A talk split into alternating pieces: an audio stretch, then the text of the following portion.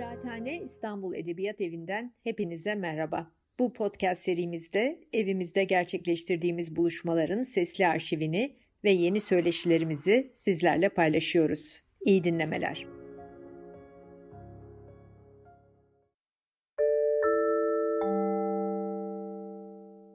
Merhabalar. Kıraathane gastronomi konuşmalarını konuşmaları kapsamında gerçekleştirdiğimiz bu etkinliğe hoş geldiniz. öncelikle ben kendimi tanıtarak başlamak istiyorum beni tanımayanlarınız varsa. İsmim Anna Maria Beydunioğlu. Profesyonel aşçılık eğitimi almış bir siyaset bilimciyim. asıl alanım azınlıklar ve din özgürlüğü ama doktora yaptıktan sonra bir süre akademiye inancımı kaybedip aşçılık okumaya karar verdim. Profesyonel aşçılık okumaya karar verdim. Bir süre sektörün içinde mültecilerle beraber onlara sundum katkılarla gastronomi kapsamında bulundum. Ee, ve e, ama akademiye geri döndüm. Şu anda yemek, siyaset ve toplum ad, adlı ders adlı bir ders veriyorum çeşitli üniversitelerde. Ee, aslında bugünkü konuğumuz e, benim gastronomi kariyerimde de e, özel bir insan. Sibel Kuniman Pinto. E, kendisiyle Hrant Dink Vakfı'nın bir etkinliğinde karşılaşmıştım. E, aşçılık okusam mı okumasam mı, e, nasıl bir yöne evrilsem e, diye düşünürken kendisinin konuşması ve kendi kişisel yolculuğu beni çok etkilemişti.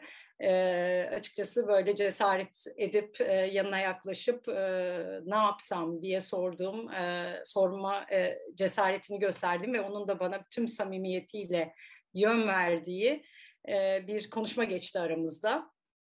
E, o yüzden çok özeldir kendisi benim için. Geldiğiniz için çok teşekkürler e, Sibel Pinto öncelikle. E, sizi biraz tanıtacağım. E, kendi çapımda tabii ki e, size e, devredeceğim e, sözü ama e, Sibel Kuniman Pinto Fransa'da yaşayan Türkiye'li Yahudi bir şef. E, Action Kaşkarikas adlı oluşumun kurucusu. Birazdan anlattıracağım kendisine. E, eğitmen bir şef. E, sürdürülebilirlik eğitmenliği yapıyor ve atıksız mutfak danışmanlığı yapıyor. Kendisiyle Kasım ayında Avleremos platformu için bir söyleşi gerçekleştirdik. Çünkü yeni bir kitabı çıktı. Action, pardon, Kaşkarikas Atıksız Mutfak adında İngilizce yayınlanan bir kitabı çıktı. O kapsamda bir söyleşi, yazılı bir söyleşi gerçekleştirmiştik kendisiyle. söyleşi çok ilgi gördü. Ertesi gün İspanyolcaya çevrildi. Çok mutlu olduk e, bu talepten dolayı e, ve e, bu şu andaki e, konuşmayı gerçekleştirmemiz için de bir talep oluştu. O yüzden buradayız. Tekrar hoş geldiniz. Şimdi ben birkaç soru hazırladım. Yani birkaç dediğim 10-11 tane soru hazırladım Sibel Şef için. Böyle diyalog halinde gideceğiz ama sizler de eğer e, sorularınız olursa Q&A'den ya da chat kısmından yazabilirsiniz. E, böylece e, dinamik bir söyleşi olur diye düşünüyorum. E, mümkün olduğunca sorularımı o şekilde e, yönlendirmeye çalışacağım. E, tekrardan hoş geldiniz Sibel Şef'im. Çok teşekkür ederim Annacığım. Benim için büyük bir keyif bu akşam seninle bu ekranı paylaşmak. Diğer bütün tabii misafirlerimizle birlikte. Öncelikle senin kanalınla Kıraathane'den haberdar oldum. Onları takip etmeye başladım. Çok güzel şeyler yapıyorlar. Onlara bütün ekibe çok teşekkür ediyorum. Beni bu etkinliğe davet ettikleri için. Sana da özel teşekkür ediyorum. Aracılığı yaptığın için ve bunun altında yatan insan sensin zaten. Önce Avlaremoz'da yaptığımız röportajdan başlayarak. Ee, benim için de sen çok özel bir insansın. Hem profesyonel yaşamın hem e, karakterin, birlikte yaptığımız birçok etkinlik var. Gastrodiplomasiden tutu, uzun bir e, hikayemiz var birlikte. E, onun için seninle bir şeyler yapmak her zaman bana çok büyük keyif veriyor. Tekrar çok çok teşekkür ediyorum. E, herkese Paris'ten iyi akşamlar diliyorum öncelikle. Ee, bizim burada saat 7 gibi siz yemeklerinizi yediniz tabii. rahat rahat herkes 9'da bağlanınca bu 9 toplantıları çok güzel oluyor Türkiye'de. Ee, sen beni birazcık anlattın. İstersen biraz daha derinlemesine girelim. Ee, evet, bir e, açıkçası bir tabii İstanbul'dan başlamak isterim ben buna. Ee, sizi tanımayanlar için. Ee, bir de tabii ki beni etkileyen o Hrant Dink Vakfı'ndaki ilk karşılaşmamızda e, bankacılık kariyerinizden aşçılığa doğru evrilen o, o yol e, çok etkilemişti. Belki onlardan da bahsedersiniz diye umuyorum. Tabii ki memnuniyetle. Dediğim gibi İstanbul'da doğdum, büyüdüm. Ee, İstanbul böyle e, damarlarımızın içine işleyen bir şehir. Ee, uzun yıllardır uzağım aslında. Uzağım derken tabii gidip geliyorum, ailem var, arkadaşlarım var. Ee, ama e, sizi böyle hep etkileyen bir şehir. Hep bir İstanbul nostaljisiyle yaşanıyor göçmen olunduğu zaman. Ee, orada doğdum, büyüdüm. Ee, liseyi Robert Kolej'de bitirdim. Üniversiteyi Boğaziçi Üniversitesi İşletme'de okudum. E, o dönemin kariyerleri tabii işletme bitirince işte ya auditçi olunur ya bankacı olunur. Ben de bankacılık sektörünü seçtim. Uzun yıllar bankada ithalat, ihracat müdürlüğü yaptım. Ardından yönetici pozisyonlarında bulundum. E, yıl 99, e, o sene epey bir milat benim için. Çünkü eşim bir görev nedeniyle yurt dışında bir göreve e, tayin edilmesi gerekiyor. E, işte oturuyoruz, konuşuyoruz, ne yaparız, ne ederiz. Benim için tabii büyük bir değişim. Çünkü o doğal olarak hayatını, iş hayatını devam ettiriyor. Ama benim ise her şeyi bırakıp hem ailemi hem işimi, mesleğimi vesaire yabancı bir ülkeye gitmem gerekiyor. Lisan da bilmiyorum. İlk durağımız İtalya çünkü e, Avrupa'nın farklı e, şehirlerinde yaşadık. E, ve o çok sevdiğim İstanbul'uma da tabii veda etmek durumundayım. Epey bir travması var o olayın. Ee, ama e, bir şekilde yeni bir kapı açılıyor. İnsanın hayatında da biraz böyle. Bankacılık e, defterini kapatıyorum. E, ve biraz tutkumun peşinden gidiyorum. Çünkü küçük yaşımdan beri yemek, içmek, gastronomi, işte mutfakta anneyle, anneanneyle, babaanneyle olmak hep beni çok e, mutlu eden bir olay. E, o yüzden diyorum ki ben bu tutkunun peşinden e, meslek değiştireyim ve bahsettiğim yıllarda artık 35 yaşıma falan geliyorum. Öyle genç değilim yani çoğu insan o yaşlarda öyle kararlar veremiyor. Ama ben biraz e, deli doluyum herhalde. Karşıma çıkan bu e, fırsatı da kullanayım dedim. İtalya'da aşçılık eğitimi aldım. İlk böyle başladı. E, bir süre bizim İtalya e, yıllarımız var. Sonra ise yine eşimin işi nedeniyle Fransa'ya geçiyoruz. Paris'e de gelince artık e, gastronominin de merkezi. E, burada biraz daha bir de eğitim olayına çok önem veririm ben. Yani mutlaka bir şeylerin eğitimi alınacak, sertifikası alınacak, diploması alınacak. O öyle olmadan yapılmayacak. E, o yüzden e, Paris'e gelince Cordon Bleu Enstitüsü'nde aşçılık eğitimi aldım. Onun üzerine de Rennes Üniversitesi'nde buranın şampanya bölgesidir. Şampanyalarıyla ünlüdür ve yeme içmeyi gastronomisinin çok güzel olduğu bir bölgedir. E, o üniversitede de lezzet ve gastronomi üzerine yüksek bir eğitim yaptım. E, ondan sonra e, tabii hayat size yeni kapılar açıyor. Anneannem çok söylerdi bir kapı kapanıyorsa üzülme yeni bir tanesi açılacaktır. Daha iyisi açılacaktır hatta diye. E, gerçekten de öyle oluyor. O kapıyı görmek, işte o kapıya sırtını dönmemek, o kapıdan geçmeye cesaret etmek e, bunlar bir şekilde gelişti. Önce ahçılık, sonra eğitmenlik, daha sonraki yıllarda işte sürdürülebilir mutfak danışmanlığı böyle adım adım gelişen bir e, kariyer değişikliği var. Yani bir finansçıdan birdenbire böyle daha sanatsal bir şeye e, geçmiş oldum. Böyle bir hikayem var çok kısaca anlatmak gerekirse. Yani çok kısa anlattığınızı biliyorum çünkü CV'niz oldukça e, detaylı, e, çok mütevazısınız o anlamda da söyleyeyim, e, not düşeyim. Şimdi biraz daha derin konulara gelelim. Tabii yemek deyince ben derslerimde hep anlatıyorum. Yemek hiçbir zaman sadece yemek değil. Şimdi bugün biraz birazcık yemek kimlik ilişkisine değinelim istiyorum ama yemek deyince ben da ekonomiyi de okuyabiliyorum, siyaseti de okuyabiliyorum öğrencilerime e, onları empoze yani o şekilde düşünmeyi, yemeğe sadece yemek olarak değil de bir dünya okuması olarak bakmaları gerektiğini anlatmaya çalışıyorum elimden geldiğince. Yani neyi, ne zaman ve nasıl yediğimiz aslında bizim kim olduğumuzu belirliyor. Bunu çok düşünmüyorduk eskilerde ama bu aralar bu konuda çok düşünür olduk. Özellikle azınlık yani tabii az değiliz aslında çok da ama dünyaya baktığımızda, yayılışımıza baktığımızda ama kaybolan bir kaybolan kültürlerden bahsediyoruz. E, dolayısıyla azınlık toplumları için kültürel hafızalarını devam ettirmelerini sağlayan e, belki de en önemli öğelerden biri yemek. E, çünkü o yemekleri e, yaparak e, bir şekilde var olmaya devam ediyorlar. Belki tek bu değil tabii ki ama önemli bir öğe dediğim gibi. Bunu biz Kısmet Tabii adlı bir kitabımız yayınlanmıştı. E, Karma Evlilikler, Özgür Kaymak da aramızda. E, ona da selam olsun. E, orada da tespit etmiştik. E, aslında kültürleriyle çok iç içe olmayan insanlar e, karma evlilikler yaptıkları zaman sadece kimliklerini yaşatabilmek için bile o yemek kültürlerine geri dönüyorlar. Dolayısıyla bunu sormak istiyorum. Yani siz bunu nasıl hissediyorsunuz bu yemek e, kimlik e, ilişkisini çünkü çok sık gündeme geliyor artık bu mevzu. Onun onun hakkında ne düşünüyorsunuz? Tabii ki özellikle sefarat mutfağını sormak istiyorum. Tabii belki bir de parantez açarsınız. E, sefarat kimliği nedir? Biraz da bunu bilmeyen dinleyicilerimiz varsa onu söyleyebiliriz ve neden güçlü bir ilişki aslında separat kültüründe yemek kimlik ilişkisi? Ee, sorun çok güzel. Ee, oldukça da detaylı aslında. hani biz evet. konuşuruz sadece bundan.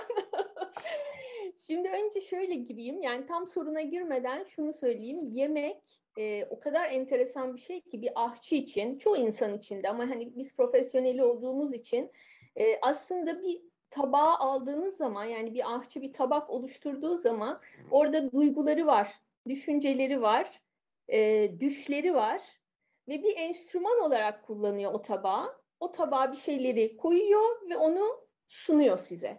Yani bu kişisel bir şey. Tabii oradaki işte koku var, tekstür var vesaire. Bütün bunlar, bütün duyularımıza hitap eden bir şey var zaten orada.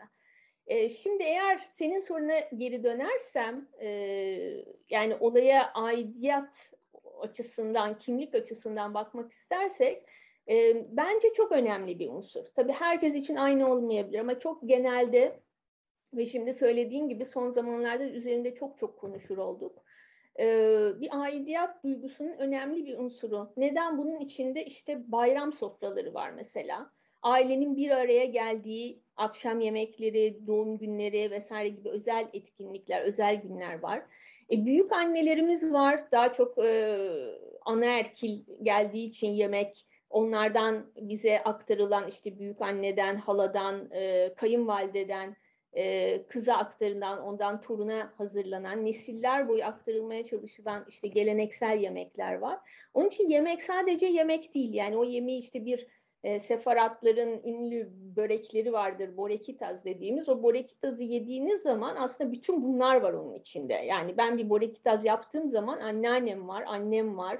İşte o şabat, cuma akşamı yemekleri var bir sürü duygu var onun içinde yani hani kokusu tekstürünün dışında o duygu o yönü de çok e, enteresan. Aslında bu Proust'un Madlen'i gibi yani Proust oturmuş buna e, işte bir e, şey yazmış, roman yazmış. E, o, o Madlen'in kokusunun peşinden gidiyorsunuz. Yani 30 yıl bile geçse onu verdiğiniz zaman Aa, bunu anneannem yapıyordu diyebiliyor ikinci, üçüncü jenerasyon bile. E, tabii bir bilgi beceri var. Bu da aktarılıyor e, nesilden nesile. Bir tarih var, bir kültür var köklerimiz var. Gerçekten kökleri e, şey yapıyor, e, yansıtıyor yemek. Şimdi sefaratlar derken e, İspanya Engizisyonundan, İberya adasında İspanya Portekiz Engizisyonundan kaçarak Osmanlı topraklarına farklı yerlere yayılan bir grup insandan bahsediyoruz. Oldukça büyük bir grup aslında. Yıl 1492 yani 500 küsür yılı aşmışız. Ee, Osmanlı İmparatorluğu'na yerleşen Sefarat kökenli Museviler, Sefarat zaten İspanya demek. Ee, yeni bir sayfa açıyorlar kendilerine. Yani göç, öt, göç etmek zorunda bırakılan bu halk geleneklerine tutunarak yeni bir bölgede e, yaşamaya, oraya adapte olmaya çalışıyor. Tabii ne oluyor? Geleneklerini getiriyor beraberinde. Bunun içinde tabii ayrı bir konu olarak müzik de var, lisan da var. Şimdi tabii o konulara girmeyiz ama onlar da önemli etkenler. Hani hangisi ne kadar yaşamıştır vesaire onlar da tartışılabilir. E, Rennes Üniversitesi'nde yaptığım master e, tezim de benim bu konu üzerineydi. Ve orada enteresan mesela e, şeyler çıktı, sonuçlar çıktı. Lisan bizde mesela biraz ölmek üzere demeyeyim çünkü son yıllarda çok akademik çalışmalar yapılıyor ama çok nesilden nesile fazla geçmemiş bir şey. Ama yemek adlarını sorduğunuz zaman şu andaki 3-4 yaşındaki çocuklar dahi o sefarat yemeklerini orijinal adıyla söylüyorlar. Bu mesela çok enteresan bir şey. O yok olmamış hiçbir şekilde. Ee, dediğim gibi göç etmek zorunda bırakılan halkların beraberinde getirdikleri bu yeme içme kültürü yerleştikleri coğrafyadaki etkileşimle, iletişimle ve değişimle de e, etkileniyor. Yani Osmanlı'da işte olmuşlar, Osmanlı'dan etkilenmişler ya da kendi etkilerini Osmanlı'ya ya da Türk mutfağına da vermişler. Belki vaktimiz kalırsa sonra konuşuruz. İşte İzmir'deki sübye gibi, sübye kavun çekirdeklerinden yapılan bir e, şerbet sefaratlardan gelmiş ya da boyoz gibi. E, bunlar hep halkların birbirinin içine geçerek yeme içme kültürlerinin nasıl bir arada geliştiğini gösteren örnekler. Şimdi ben yemek ve kimlik ilişkisinde kendi parkurumda önemsiyorum. Çünkü benim gerçekten e, benliğimin bir parçası, yaptığım işin bir parçası. Ben anneannemden vesaire gelen e, bütün bilgileri işte yeni jenerasyonlara aktarmaya çalışıyorum. Kayıt altına almaya çalışıyorum. Daha sonra bahsedeceğim işte Aksiyon Kaşgarikaz ya da Kaşgarikaz Yemek kitabı. Bunun aslında örnekleri e, önemsiyorum ama uzlaşmacı açıdan da bakılması gerektiği taraftarıyım. Yani e, bu sözü hep söyleriz. E, seninle de konuşmuşluğumuz vardır daha önce. Yemek ve e, yemeğin milliyeti, milleti yoktur, coğrafyası vardır deriz. Benim için ciğerli çünkü dediğim gibi iç içe geçen toplumlar, göçlerle adapte edilen yemek kültür mirasları hepsi birbirini etkiliyor. Onun için yemeğin milliyet üzerinden tanımlanmasına veya ayrıştırıcı bir dil kullanılmasına çok pozitif bakmıyorum. Hiçbir anlamı olmayan beyhude tartışmalar olarak görüyorum. Sen de bu konuda makale yazmıştın hatırladığım humusla, baklava ile ilgili. O savaşların aslında sonu gelmeyecek savaşlar olduğunu ben hep e, yemeklerin kardeşlik üzerinden gitmesi gerektiğini düşünüyorum. Çünkü kardeş mutfaklarız aslında. Herkes birbirinden etkilenmiştir. Bu sadece aynı coğrafyada değil, bazen çok uzak coğrafyalarda bile birdenbire sizin yaptığınız, annenizin yaptığı bir şeyin Aa, Meksika'da da yapıldığını ya da benzerinin yapıldığını bile görebiliyorsunuz. Onun için sadece coğrafyayla da tabii coğrafya önemli bir etken çünkü bulduğunuz malzemeleri kullanıyorsunuz. Ama onun dışında da e, dediğim gibi ayrıştırıcı değil, kardeş e, yapıcı bir şey olması taraftarıyım e, kimlik ve yemek konusunun. Evet burada bir e, tabii parantez açayım. Evet coğrafya e, etken e, ve hani milliyetçilikten çok coğrafyaya bakmamız gerekiyor ama e, yemeklere tek tek eğildiğimiz zaman da şunu görüyoruz. E, aslında bazı malzemelerin de zaman içinde göç ettiğini görüyoruz. Yani ben hep Antakya'dan örnek vermeyi severim. Biber salçası bizim için olmazsa olmazdır ama biber ne zaman gelmiş Antakya'ya ya da işte Türkiye ya da Osmanlı topraklarına ne zaman gelmiş diye düşündüğünüzde çok da gerilere gidemiyorsunuz. Dolayısıyla bir üründe bu kadar da ısrar etmek tabii ki o kültürün bir parçası ama sadece sizin olamaya olamayacağını e, görmek gerekiyor. E, dolayısıyla aslında bu e, paylaşmanın ya da birçok yerden e, bu geçişliliğin e, mutluluk vermesi gerekiyor. E, öyle bakmak gerekiyor ve gastromilliyetçiliğe, gastromilliyetçilik diyoruz buna genelde, e, evrilmemek gerekiyor. İstediğimiz, e, daha doğrusu bu çağın beklediği aslında e, bu. E, biraz da ve senin verdiğin Hı-hı. örneğe çok küçük bir parantez açayım. Tabii. Mesela sefarat mutfağında da işte biz bazı şeyler işte e, bunlar İspanya'dan geldi falan diyoruz ama 1492'lere e, Engizisyon e, şeylerine gittiğiniz zaman onunla ilgili çok da güzel bir kitap var. İnsanların yedikleri yemeklere göre kripto, kripto Yahudilerin özellikle yani orada kalıp göç etmeyen ve görüntüde sanki Hristiyanlaşmış gibi görünen ama aslında içlerinde Yahudiliklerini devam ettiren insanların yemek alışkanlıklarından e, nasıl e, sonuçlar çıktığını görüyoruz o kitapta ve biz hep deriz işte domatesli yemekler sefarat mutfağının çok bazıdır falan. E, domates falan yok o dönemlerde. Yani oradan gelmiyor. Dediğin gibi o yıllar içinde geldiğin, yerleştiğin yerde bulduğun malzemelerle geliştiriyorsun aslında mutfağı. Evet yani dolayısıyla kültürlerimiz de aslında bir dönüşüme tabi e, diyebiliriz bir anlamda. E, dolayısıyla o coğrafyadan ya da coğrafyanın e, maruz kaldığı, tabii bunlar biraz da göçlerle oluyor. O göçler her zaman hoş hikayeler olmuyorlar aslında. Bütün bu e, siyasal süreçlerin bir e, parçası aslında yemek kültürümüz. E, de, derslerde de çok vurgulamaya çalışıyorum bunu. E, bir başka sorum, tabii yakın zamanda çıkan e, yeni gelenler için de tekrar edeyim. Kitabınızı Türkçe'ye tabii Kaşkarikas Atıksız Mutfak bir Türk Sefarat Mutfağı diye çevirebiliriz sanırım. E, bu kitaptan bahsedeceğiz. E, ancak bu kitabı anlatmaya geçmeden e, bu kitaba varan e, yolun en başında tabii ki anneannenizle olan ilişkiniz var. Biraz bahsettiniz belki biraz daha açarız diye e, düşünüyorum.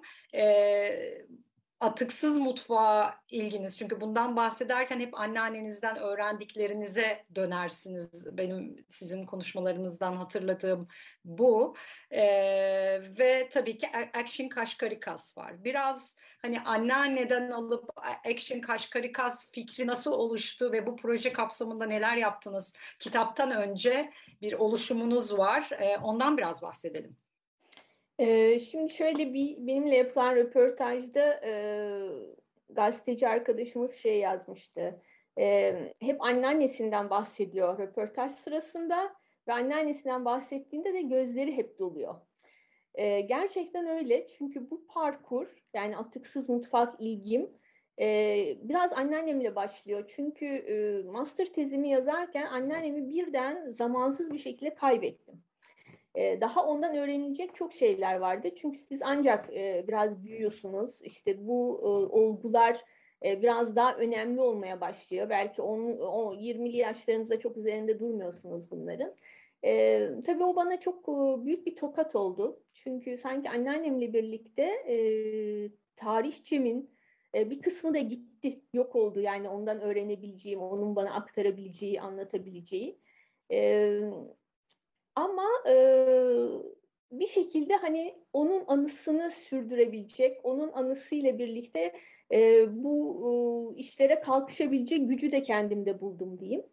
E, şimdi benim tabii e, yeme içme sektöründe hemen hemen 22 yıllık bir tecrübem var.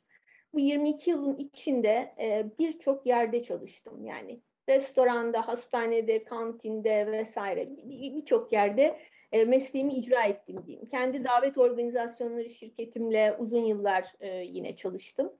E, 2016 yılı sanki böyle bir ikinci milat, bir 99'dan bahsetmiştim işte İstanbul'dan ayrılışım. 2016'da da e, bu atıksız mutfak konusu e, daha gündeme gelmeye başlamıştı. Aslında belki daha sonra anlatacağım ama çok kısacık geçeyim. Fransa'da 2016 yılında bir e, kanun çıkıyor. E, bu kanun işte e, marketlerde e, sok şeye akşam saatinde satılamayan şeylerin çöpe atılması hatta o dönemlerde bunun üzerine işte çamaşır suyu atıyorlar.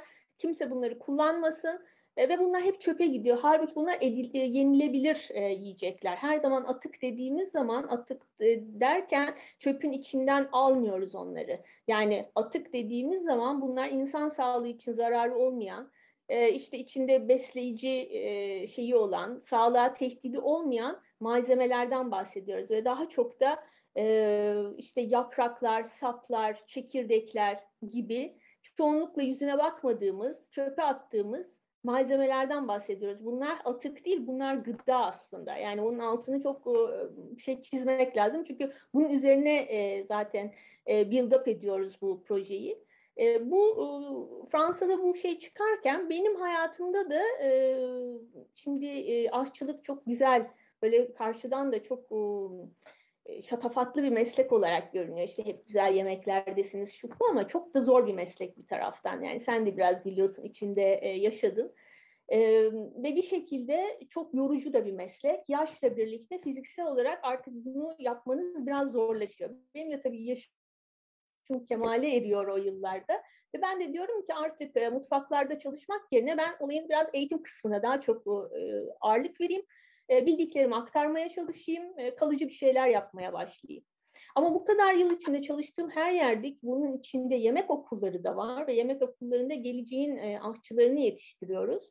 Orada bile ne kadar israf olduğunu görüyorum. Yani heba edilen bir sürü şeyler var. Pastalar yapılıyor, çöpe atılıyor. İşte ekmeklerin sağ solu, başı sonu çöpe atılıyor. Bütün bunları görünce diyorsunuz ki inanılmaz bir israf var. Ve bunu rakama da vurmak istersek e, Gıda Tarım Örgütü'nün rakamlarına göre dünya üzerinde e, üretilen her şeyin üçte biri çöpe gidiyor. Yani bir markete gidiyorsunuz, diyelim haftalık alışveriş yapacaksınız, üç tane büyük paketle çıkıyorsunuz. E, arabanıza giderken bir paketi çöpe atıyorsunuz. Bunun gibi bir şey. Yani inanılmaz e, rakamlar var. Ben şimdi kimseyi rakamlara çok boğmak istemiyorum. Ama inanılmaz bir israf var ve bunlar hep yenilebilecek malzemeler ama yenilmiyor, çöpe gidiyor. Ve hatta e, ciddi bir rakam da e, 7'de bir gibi e, hiç ambalajından bile açılmadan çöpe gidiyor. Düşünebiliyor musunuz? Böyle bir e, gerçekten bir e, gıda skandalı diyelim yani dünya çapında bir gıda skandalı var. Ve bunun birçok boyutu var. Hani bu şeyde başlıyor, tarlada başlıyor. Bizim işte e, evimize kadar gelen her bir e, aşamada farklı farklı nedenlerle böyle bir sıkıntı var. Ben de bütün bunları gördüğüm için kendime dedim ki e, sen bu zincirin bir yerindesin. Yani sen bir ahçısın, 20 küsur yıldır bu işin içindesin. Bu zincirin bir yerindesin. Sen ne yapabilirsin? Yani bir kişi bir şey yapamaz diye bir şey yok. Her kişi bir şey yapabilir ve küçük adımlar da bir şeylere dönüşebilir. Ve ben dedim ki bir e, misyona gireceğim, bir proje yapacağım ben. Bu projenin içinde de işte adına Kaşkarikaz diyeceğiz, Aksiyon Kaşkarikaz diyeceğiz. E, ve e, farklı ülkelerden beni nereye davet ediyorlarsa, farklı şehirlerde, farklı ülkelerde ben gideceğim. İşte bunlarla ilgili e, demolar yapacağım, workshoplar yapacağım, insanları öğreteceğim, öğrencileri öğreteceğim. Aynı zamanda işte bir takım e, restoranlarla çalışabiliyorsam onlarda gala yemekleri yapacağım. Ve bütün bu proje tamamen bir sosyal sorumluluk projesiydi. Yani sonucunda hiçbir şekilde ne ben ne de karşıda birlikte çalıştığımız e, restoranlar veya okullar kar amacı gütmedik masraflarımız düştükten sonra kalan bütün rakamı da açlıkla mücadele eden çocuklara aktardık, bağış olarak topladık. Ve ben bu projeyi bir dört sene kadar yaptım. İlk önce Meksika'da başlamıştım. Meksika'da çok sevdiğim bir arkadaşım var. Aynı e, master programını yapmıştık. Şef Jose Bosue. E, Jose dedi ki, e, Jose de zamanında e, Meksika Cumhurbaşkanı'nın özel ahçılığını yapmış. Prestijli bir arkadaş kendi restoranını açmıştı. Sibel sen gel burada başla, burada start verelim. Benim restoranda yapalım dedi. İlk hikayem öyle. 2016'da öyle bir Meksika'ya gitmişimiz var. Meksika'da yaptık. Çok da güzel ilgi gördü. Sonra da işte biraz rezomuzu kullanarak, biraz promosyonunu yaparak farklı ülkelerde dolaşıp e, farklı etkinlikler yaptık. 2017'de e, Türkiye'ye gelmiştim. Türkiye Bacağı e, Okan Üniversitesi ve Avrasya Ahçılar Birliği ile yapılmıştı. Beş gün boyunca hem eğitimler verdik. Yine orada da çok güzel bir e, yemek düzenledik sağ olsunlar. Harika gerçekten çok güzel de bir bağış rakamına ulaşmıştık orada. E, o zaman Türkiye'de e, açıkça söyleyeyim hiç kimse konuşmuyordu atıksız mutfağı.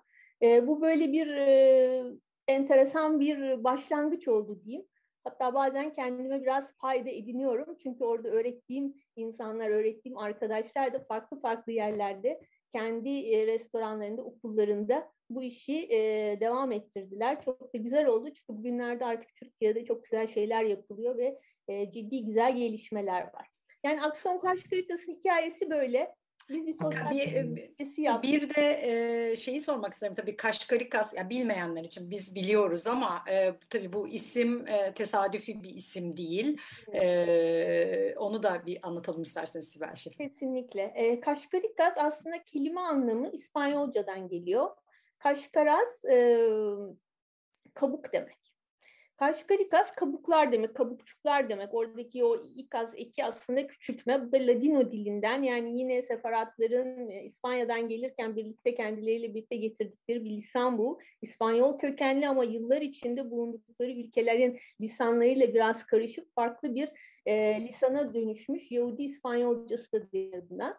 E, Kaşkarikas yemeği de şöyle bir yemek. E, kabaktan, kabağın içinden bir börek yapılıyor. Geleneksel bir şey bu. İşte içine peynirler konuluyor, yumurta konuluyor. Fırında pişirilen, bizim biraz Türk mücverine benzeyen ama fırında yapılan bir yemek bu. O kabak yapılırken, içleri kullanılırken o kaban e, dış kabukları çöpe atılmıyor. Ve ondan bir tür e, böyle limonlu, tuzlu, biraz da şeker konulan ekşi tatlı bir ben ona sefarat mezesi diyorum. Bir meze yapılıyor. Bir zeytinyağlı yemek aslında. Çok da lezzetli bir yemek. Ee, anneannem çok güzel yapardı ve e, projeye bir isim bulmak gerektiği zaman e, açıkçası dedim ki bundan daha güzel bir amblem yemek olamaz. Çünkü hem bir tane kabaktan iki yemek oluşturuyorsunuz hem kabukları çöpe atmadan bir şekilde değerlendiriyorsunuz. Onun için Kaşgarikaz yemeği hem aksiyona yani bu sosyal sorumluluk projesine adını verdi hem de aynı zamanda işte Kasım ayında yayınladığım kitaba da yine aynı şekilde adını verdi. Çünkü atıksız mutfak benim için sefarat mutfağı ile birleştiği zaman başka atıksız yemekler de var yok değil ama çok ben cuk oturduğunu düşünüyorum. E, çok bir amblem yemek olduğunu düşünüyorum. O yüzden kaşgarik adı bu. Sanıyorum e, biraz bilinen bir yemek oldu bu Türkiye'de. Duyuyorum ben. Evvelden hiç bilinmezken şimdi yemek programlarında dahi kaşgarikaz yapıldığına şahit oldum. Gerçekten çok güzel bir yemektir. Tarifi isterlerse web sitemde de açık açık bütün detayları var. Yapılması da çok kolaydır gerçekten. Şimdi belki tam zaman değil kabağın ama biraz bahara çıktığımızda hani mevsimsel olması açısından çok lezzetli bir yemektir. Aynen öyle. Bir de tabii Kaşkarikas biliniyor. Kulüple beraber sanırım kulüp dizisinde Börek Börekitas bahsettiniz zaten. E, o vardı. Gerçi kulüpte çok, e, kulüp dizisinde çok fazla böyle bir yemeğin temsili olarak kullanıldığını görmedik ama serpiştirmişlerdi. Sizin gözünüze çarpan e, yani tabii ben Börekitas direkt dikkatimi çekti. Daha sonra Avle Ramazon'u bir şey de yaptı. E, ön plana da çıkardı o hikayeyi ama e, sizin gözünüze çarpan yemekle ilgili çok detay var mıydı dizide? izlediniz mi bu arada? E, şöyle ben aslında çok dizici biri değilim. Fakat e, bu kulüp dizisi sırasında birçok arkadaşımdan, tanıdığımdan hep mesajlar aldım. Sibel çok güzel bir dizi seyrettin mi? İşte e, sefarat hayatından e, kesitler var. Birçok şeyi işte bu dizi sayesinde biz e, duyduk, öğreniyoruz vesaire diye. Ben de oturdum seyrettim. E, seyretmesi güzel, hoş bir e, dizi diye düşünüyorum. Tabii ki e, birçok e, Türkiye'deki e, toplumundan arkadaşlarım bu dizide e, danışman olarak çalıştığını, birçok şeye işte doğru bilgi gitsin, doğru yansıtılsın diye çalıştıkları ve katkıları olduğunu biliyorum. E, sonuç olarak bence güzel bir dizi ortaya çıktı ama gastronomik açıdan ben işte bir şabat yemeğini hatırlıyorum. Cuma akşamı yemeğinin üzerinde duruluyor. Çünkü o e, gerçekten hem geleneksel bir şey, ailelerin, tüm ailenin mümkün olduğunca cuma akşamı bir araya gelmesi. Çünkü cuma akşamı ile birlikte cumartesi işte iş yapılmadığı için, dinlenme günü olduğu için o cuma akşamı sofraları gerçekten çok özeldir. O biraz yansıtılmıştı dizide. Bir de Purim Bayramı ile ilgili bir e, kısım hatırlıyorum. E, orada ve senin söylediğin gibi Borekitaz'dan da bahsedilmişti. E, tabii benim için e, bu tür bir dizinin hani geniş toplumda sefarat kimdir? Hani bu insanlar aslında bizim komşularımız 500 yıldır bu ülkedeler. Hani bunun biraz farkındalığının oluşması ya da merakının oluşması e, belki güzel bir şey olarak e, yorumlanabilir. E, tabii dizinin içinde bir takım tarihsel bilgiler, olaylar da serpiştirilmiş. E, bunun içinde varlık vergisi var, 6-7 Eylül e, olayları var. Ama tabii dizi sonuçta e, bunu bir hani kurgu ve fiksiyon olarak düşünmemiz lazım. E, diziye hani onun haricinde bir misyon yükle, yüklemek bence bir hata olur. E, ama bir farkındalık yaratması açısından güzel diye düşünüyorum. Bu kadar insana ulaşılabildiğine göre insanlar biliyorsunuz bu e, tarihteki olayları öğrenmek için hani kitap falan okumuyorlar. Bunu başka dizilerde de gördük. Yani Osmanlı tarihini dizilerden e, takip edip öğrenen insanlar ya öğrendiğini düşünen insanlar da var. E, tabii e, derinlemesine girmek için mutlaka tarih okumak lazım. E, ama dizi bence sempatik bir diziydi. E, Birçok insana da dokundu ve dediğim gibi merak oluşturması, bir şeyleri öğretmesi açısından da güzel bir sonuç verdi. Aynen. Ee, ben e, kitabın sürecine geçeceğim ama hem e, Tamar Taşçıoğlu aramızda o bir söz istiyor. E, belki burada onun e, sözünü almak daha doğru olur diye düşündüm. Çünkü kendisi sofralar dile gelse e, adlı bir proje yapıyor ve son ayaklarından biri yani son etkinliklerinden biri de e, şeydi e, Edirne'de sanıyorum bir evet. Yahudi mutfağı yaptılar. Bel, evet, belki bu noktada bize anlatacakları olabilir. Çünkü o sofrada neler vardı? Hani birazcık yemekler, yemek kültürden bahsediyoruz. Ee, Tamar Hanım'a söz verebiliyor muyuz ee, diye bir sorayım. Ben mi açabiliyorum sesi? Hı, tamam. Açtım Merhabalar. galiba. Merhabalar. Tamam, tamam. Merhaba. Merhaba. Ee, görünüyor muyum bilmiyorum şu anda ee, ama. Gör, görüntü yok ama ses geliyor. Ee, tamam. Sanırım. E, Tamam. Merhabalar Sibel Hanım. Merhaba Anneciğim. Merhabalar. Paris'ten çok sevgiler, selamlar. Sağ olun. Çok teşekkürler. Bizim yaptığımız bir Zoom projesinde galiba e, sizi de isminizle görme şansımız oldu diye hatırlıyorum. E, bir sefaret Zoom'u yapmıştık biz e, geçtiğimiz kış aylarında. Ben projeden ancak bittikten sonra haberdar olmuştum. Öyle mi? Ama oradan bir şekilde sizin isminizi hatırlıyorum. Hay Allah. Peki inşallah bir araya gelme şansımız olur. İnşallah. Ee, biz evet anacığımın söylediği gibi e, geçtiğimiz e, Ocak ayında e, bir Edirne'ye sefaret kültürü gezisi yaptık. E, sevgili ortağım Engin Aymete ile birlikte hatta çok sevdiğimiz dostumuz İvet Acı Güney de e, İsveç'ten seferat yemeklerini pişirmek için geldi. Hop, ses gitti. Hı. Ta, e, sesiniz gitti Tamar Hanım. Hop. Biliyor musunuz ha. beni? Ha, şimdi, şimdi geliyor. Tamam, Şimdi çok geliyor. özür dilerim. Peki. Tamam. Ee, Ocak ayında biz e, o, Edirne'de bir sefarat kültürü gezisi yaptık. Bir sefarat Yahudi kültürü gezisi yaptık. E, sinagogun vakıf binasını kiralamakla birlikte orada büyük bir gala yemeğine ev sahipliği yapmaya çalıştık. E, Sibel Hanım'ın da bahsettiği gibi sofrada e, çok mühim Yahudi yemekleri vardı. E, Kaşkarikas da tabii ki bunlardan biriydi e, efendim pırasa köftesi, pancar yaprağı böreği ki Edirne'de e, çok sevilerek yenilen bir Yahudi e, böreği. E, Sibel Hanım da mutlaka bilir.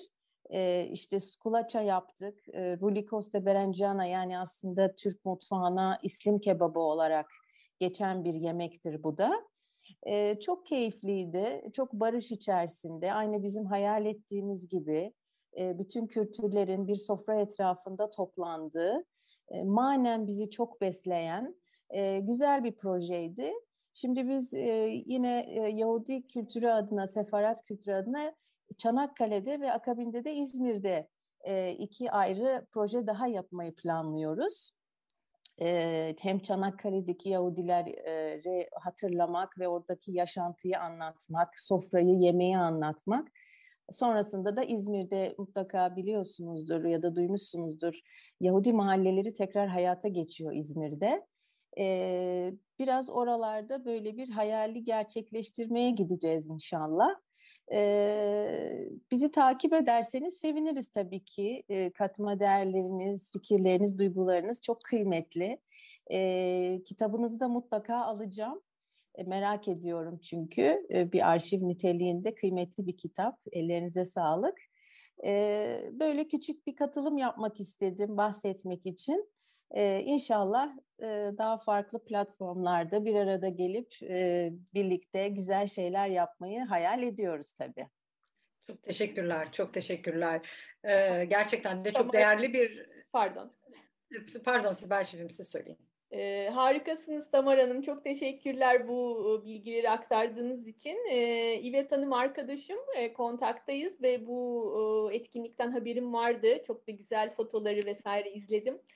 E, gerçekten harika. Edirne mutfağını tanıyorum çünkü eşimin ailesi Edirneli. Ay çok güzel.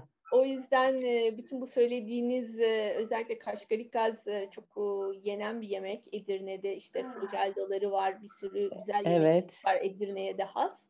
Aynen. Çanakkale ve İzmir etkinliklerinin de eminim çok güzel geçecektir. Keşke böyle yollarımız kesişse birlikte bir şeyler de yapsak. Evet çok, çok güzel olur. Evet çok güzel olur. Benim mutfağı çalışmalarım mutfağın atıksız özelliği üzerinden gelişiyor. Yani e, kitabım da mesela herhangi bir sefarat mutfağı kitabı değil. sefarat mutfağının atıksız yönü yani bütün içindeki 222 tane reçete atıksız mutfak üzerinden kurgulandı ve bunun içinde sadece Türk sefarat mutfağı yok. Dünya üzerindeki bir sürü sefarat mutfağından örnekler var. Bunun üzerine bir de üzerine gezmiş olduğum, gitmiş olduğum ülkelerden topladığımız sefarat bazlı olmayan ama yine atıksız mutfak üzerine e, baz kurduğumuz e, reçeteler var. E, alırsanız çok e, beğeneceğinizi düşünüyorum. E, belki bu kapsamda atıksız mutfak kapsamında da e, birlikte güzel bir sofra kurarız. Umarım. İnşallah. Çok mutlu oluruz. Çok teşekkür ediyoruz. Ben Keyifle teşekkür dinliyorum ediyorum. sizi. Sağ olun. Çok mersi. Teşekkürler Tamar Hanım katkınız için. Şimdi, e, kitaba dönmeden önce benim bir e, sorum daha olacak aslında. Biraz bahsettiniz tabii atıksız mutfak neden önemli bu çağda diye çok ciddi rakamlardan bahsediliyor. Yani çöpe attığımız, çöp olmayan aslında ama çöpe attığımız birçok gıda ürünü var ve işin e, vehameti açıkçası dünyada artan açlıkla beraber bu rakamları düşündüğümüzde e, akıl almaz e, bir durumdayız aslında İsra, e, israfın boyutu e, açısından düşündüğümüzde bir de tabii bu kadar çok tüketirken e, bu tüketimi e, tüketimi karşılamak için e, arttırılmaya çalışan üretim tarafında da aslında doğal olmayan artık zehire başvurduğumuz yani daha çok üretelim, daha güzel, daha böyle güzel domatesler üretelim diye başvurduğumuz zehirler var. Neresinden bakarsak bakalım bu atık meselesi bizi e, toprağa zehirliyor. Toprağı zehirleyince zaten aslına bakarsanız e, toprak bir süre sonra verimini yitiriyor e, ve biz dışa bağımlı oluyoruz her şeyden öte. Yani kendi toprağımızda üretemez hale geliyoruz vesaire. İşin çok çok çok ciddi boyutları var aslında. E, ben biraz bahsettiniz ama şimdi bir Fransa örneği var beni çok etkilemişti duyduklarım. Türkiye'de evet yapılmaya çalışılan şeyler var. Belediyeler seviyesinde de bildiğim kadarıyla yağ, yağ atıkları vesaire konularında bir şeyler yapılıyor ama aşçılık tecrübemde şunu gördüm. E, iki, e, iki restoranda staj yapmıştım. Staj yaptığım restoranlardan örnek vereyim. Bir tanesinde tabii staj yaparken sadece ocak başında durmuyorsunuz. Tabak sıyırma kısmı var bazı büyük restoranlarda. E, o kısımda da çalıştım e, ve en çok üzüldüğüm konulardan biriydi bu. Hani o geri dönen e, yani bir müşteriden dönen e, şeyleri e, gıdaları atmak e, bayağı bir çöp atıyorduk. Yani bayağı yiyecek atıyorduk. Hepsi çöpe gidiyordu. E, bir restoranda da çalıştım. E, üretim kısmında tabii bu ikisi karşılaştırılabilir olmayabilir ama etkileyici olur diye düşündüm bunu söylemem. E, hiçbir şekilde çöpü dolduramıyorduk bir günde. Yani çünkü şefimiz çok şeydi e, bu konuda çok çok hassastı. E, bir gemide e, geçirmişti kariyerinin e, önemli bir kısmını ve e, bize hep şey derdi gemiyi durdurup soğan eksik diye soğan yani gemiyi durdurup soğan alamazsın. Dolayısıyla her şeyini kullanacaksın. Soğan kabuğunu bile bu, buya beze atıyorduk vesaire.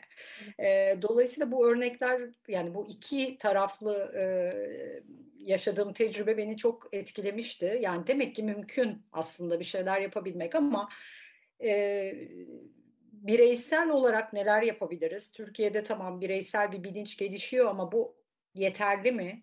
E, yoksa daha kurumsal bir yapıya mı ihtiyacımız var bu anlamda ve tabii Fransa bize bir örnek olabilir mi? Sistemde sorunlar var mı bilmiyorum. Bunu siz daha iyi biliyorsunuz benden.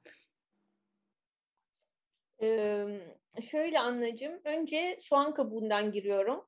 Soğan tamam. kabuğunu işte stok yapmakta veya bu yabezde kullandığımız gibi soğan kabukları çok güzel galeta ununa karıştırılırsa harika panede kullanılır. Bilmiyordum. Aynı parantez söyleyeyim. Yani o kabukları normal mikserden geçireceksiniz. Bayatlamış ekmeklerinizi de fırında e, kıtır hale getirip ondan sonra mikserleyeceksiniz. Soğan kabuğuyla bayat ekmekleri birlikte yapın. E, bir işte e, kavanozun içine koyun buzdolabında tutun. Diyelim ki tavuk e, yapacaksınız, şnitzel yapacaksınız.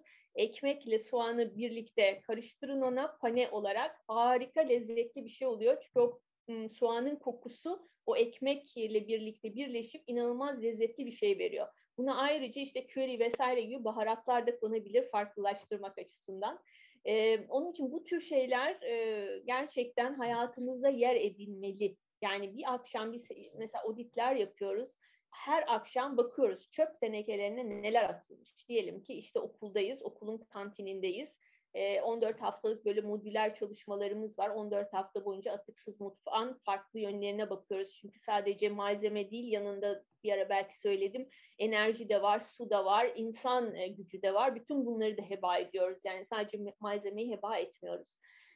Ve o auditlerde e, oradaki ahçıya gösteriyoruz. Yani sen şimdi bunları attın ama bunlar acaba bir, bir şeylerde kullanılamaz mıydı?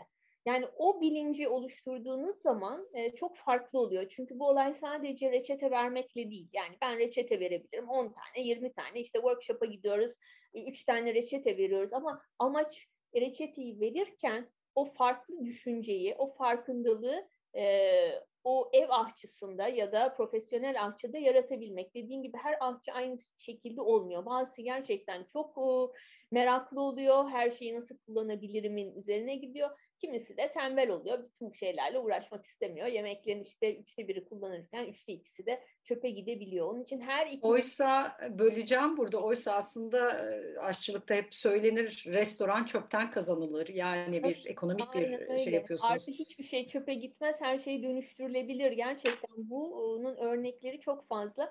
Ama dediğim gibi her ahçı aynı olmuyor e, işte zero waste restoranlar da var. Hani sıfır atık dediğimiz sıfır atık gerçekten çok zor bir şey. Ben o sıfır atığı çok fazla kullanmıyorum. Çünkü sıfır atığa girdiğiniz zaman orada işte kullandığınız plastikten e, her şeyden sorumlusunuz. Yani sıfır atık yapmak çok kolay bir şey değil ama sıfır atık restoran olduğu gibi hiç bu şeylere çok fazla e, dikkat etmeyen ve önemsemeyen de ahçılar ve e, kurumlar var.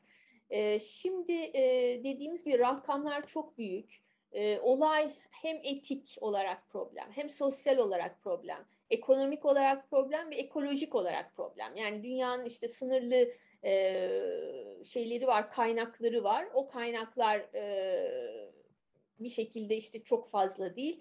Bir taraftan artan bir nüfus var dünya üzerinde. E, ekolojik bir e, korkunç bir durumumuz var gittikçe daha kötüye giden. Bütün bu karanlık, katmanlı, küresel sorunun içinde e, birdenbire işte bir şeyler yapmaya çalışıyorsunuz. Tabii çok kolay bir şey değil ama kişisel bazda bir şeyler yapmak mümkün. Kurumlar bazında yapmak mümkün. Senin çok güzel örnek verdiğin gibi belediyelerde yapabilmek çok güzel bence örnek e, teşkil ediyor.